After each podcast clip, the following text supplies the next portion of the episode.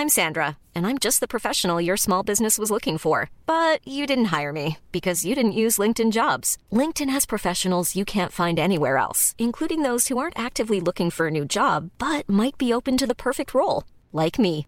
In a given month, over 70% of LinkedIn users don't visit other leading job sites. So if you're not looking on LinkedIn, you'll miss out on great candidates like Sandra. Start hiring professionals like a professional. Post your free job on linkedin.com/people today.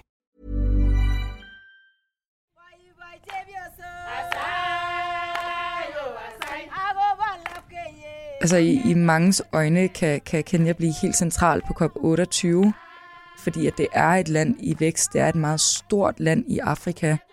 Og så har de også den her grønne profil nu, og, og det kan gøre, at de kan være øh, en rigtig god samarbejdspartner for de vestlige lande her til, til klimatopmødet.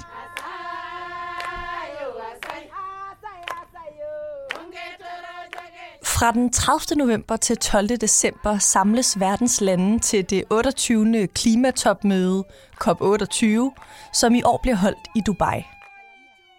Danmark rejser til topmødet med en ambition om at reducere de globale drivhusgasser hurtigere, og i den forhandling kan det østafrikanske land Kenya komme til at spille en central rolle.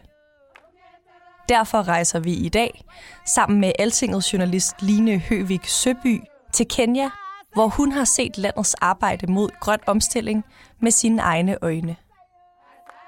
Jeg hedder Karoline Tranberg, og du lytter til Altinget Azure.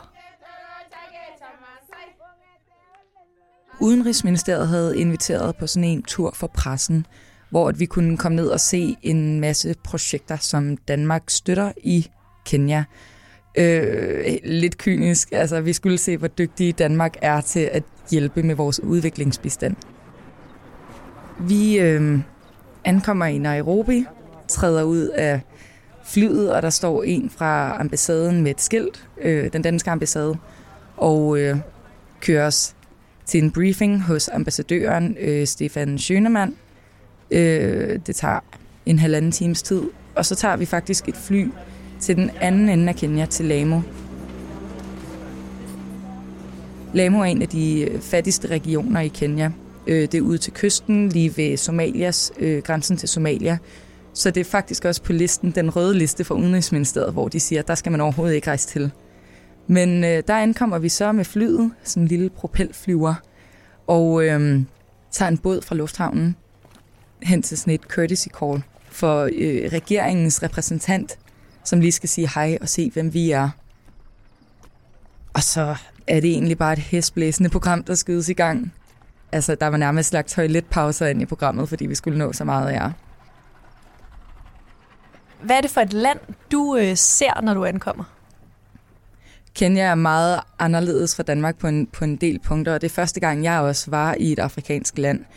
Øhm, det første egentlig, jeg tænkte, da jeg trådte ud af lufthavnen i, i Lamo, var, hold da op, der er sørme varmt. men, men noget andet, jeg også så, var et ret stort skæld, fordi vi havde nogle med os, som arbejdede på ambassaden, som havde fint tøj og de nyeste smartphones, men samtidig så øh, tager vi så båden til Lamo, hvor at der er æsler i gaden, og husene ligner noget, der er ved at falde fra hinanden. Selv ham, repræsentanten fra regeringen, hans kontor altså lignede, at det var ved at falde fra hinanden, ja. Men samtidig så i gaden her langs havnen i Lamo, er der på øh, hver anden tredje lygtepæl en lille bitte solcelle, der giver lygtepælen strøm. Så det er sådan en sjov øh, kontrast imellem det meget moderne og, og udvikling, altså sådan meget udviklet, og så det, man tænker på et klassisk udviklingsland. Kenya har ret høj korruption. Der er rigtig, rigtig mange, der lever under den internationale fattigdomsgrænse. Og så er der også rigtig mange, der bare ikke har adgang til for eksempel vand. I Lamu-området er det kun omkring 30 procent, som har adgang til rent drikkevand. Og det er ikke engang i hanen, vel? Det er, det er bare, at de kan gå til en regnvandstank og hente det.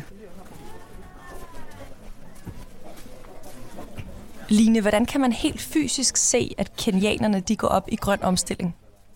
Man kan se det på gaderne, hvor at der er solceller på lygtepælene. Jeg har aldrig set så lille en solcelle før. Det lignede i hvert fald, at det gav hver enkelt øh, lygtepæl øh, strøm. Men så også, da vi var ude på en lille ø med nogle kvinder, der fanger blæksprutter. Altså, de, de havde ikke engang rendende vand eller et toilet. Men så når man kom op af sådan en stentrappe på øen, så havde de en solcelle, der stod på et stafeli, der lignede, at det var ved at vælte. Og den her solcelle var bundet op med ledninger øh, omkring stafeliet.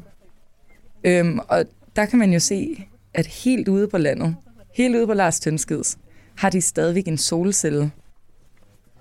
Vil du fortælle om nogle af de mennesker, du øh, talte med, øh, mens du var der, som på en eller anden måde bidrager til den grønne omstilling, eller i hvert fald har gjort sig nogle tanker om det? Jeg mødte øh, blandt andet øh, i det her samfund en, der bliver kaldt for Mama Octopus. Øh, hendes øh, civile navn er Amina Ahmed. Amina Ahmed Mohammed.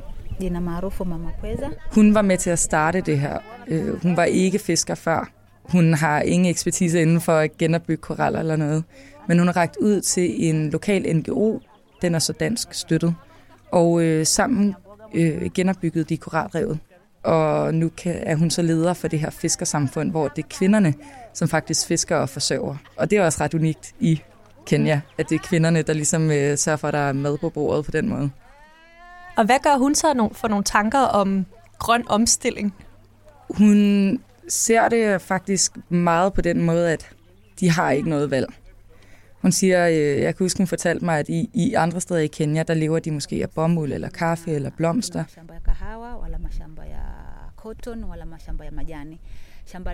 Men de lever af at kunne fiske. Og hvis man ikke passer på miljøet og på klimaet, så kan de ikke fiske. De har ikke mulighed for at flytte, så de er simpelthen nødt til at få det til at fungere, hvor de bor.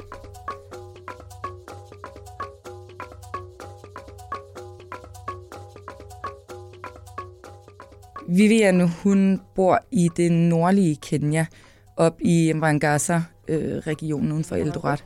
Jeg er Plamba. Plamba? Plamba. Yes. Ja. Helt øh, tilbage i 2015 oplevede de, at der begyndte at komme oftere stormflod, og de havde et, øh, et vandløb, der løb ned ad bjerget. Hun bor oppe på toppen af bjerget. Øh, og så oplevede de, at vandkvaliteten blev dårlig, og bredderne blev så brede, at de ikke kunne bruge vandet i åen. Og så gik de sammen og tænkte over, hvorfor er det her? Jamen, vi har fældet så mange træer, så der er ikke noget til at holde på jorden, der er ikke noget til at sikre, at vandet faktisk er rent og filtrere vandet. Så de begyndte simpelthen bare at plante træer. Så, så, så mange træer. Nu har de plantet over 7.500 træer. Øhm, og tre mere, da vi var der. Kitu ya maana ni panda miti.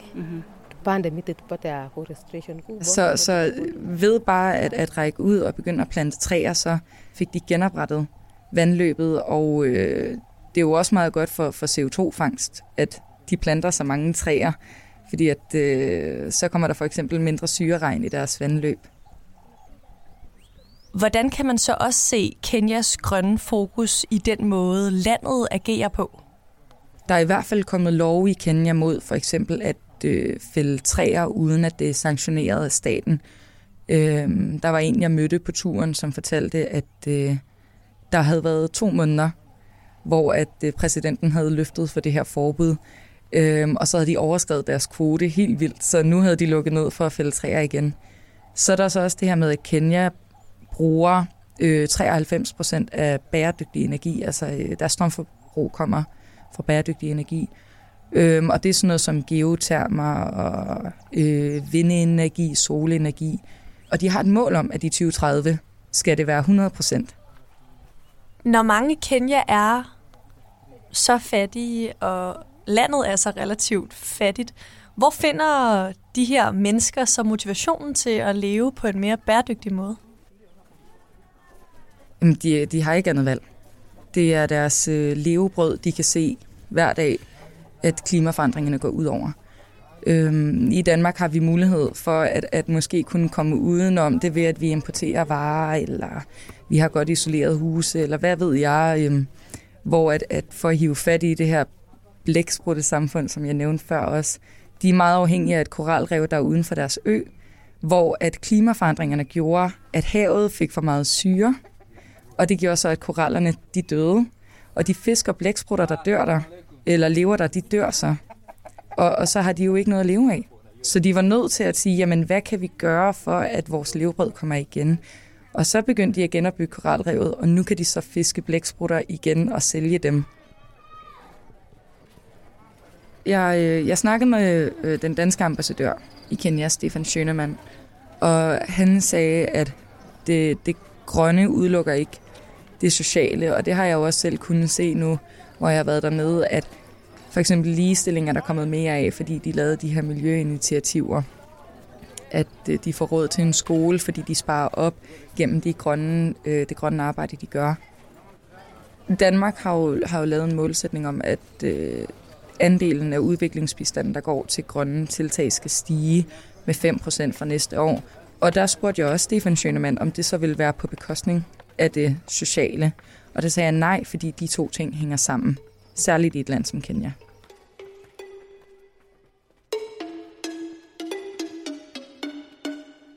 Hvorfor er det, Kenya er øh, et vigtigt land lige nu? Kenya har i hvert fald forberedt sig på at være en mere altså, grøn nation internationalt, og holdt jo det her, eller var vært for det her African Climate Summit, hvor at de i hvert fald blev enige om på tværs af de afrikanske lande om en grøn retning. Og særligt i COP28-regi er det meget interessant, fordi at Kenya kan jo måske, fordi de var vært for det her Climate Summit, kan de jo måske sige, at vi kan bygge bro, vi kan række en hånd ud til den vestlige verden. Lad os sætte os sammen og snakke. Og hvad kommer til at have betydning for, om Kenya får den her rolle som brobygger? Noget af det vigtigste er nok, at alle de afrikanske lande kan være med. For der er jo stor forskel på de afrikanske lande. Der er sådan nogle som Sydafrika, som i høj grad er afhængige af fossile brændstoffer. De skal ikke tabes i en eller anden udfasningsplan, der bliver lavet. De skal stadigvæk have noget, de kan tjene penge på.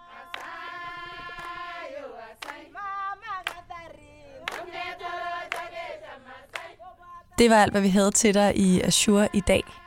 Line Høvik Søby og jeg stod bag dagens podcast. Jeg hedder Karoline Tranberg, og vi lyttes ved.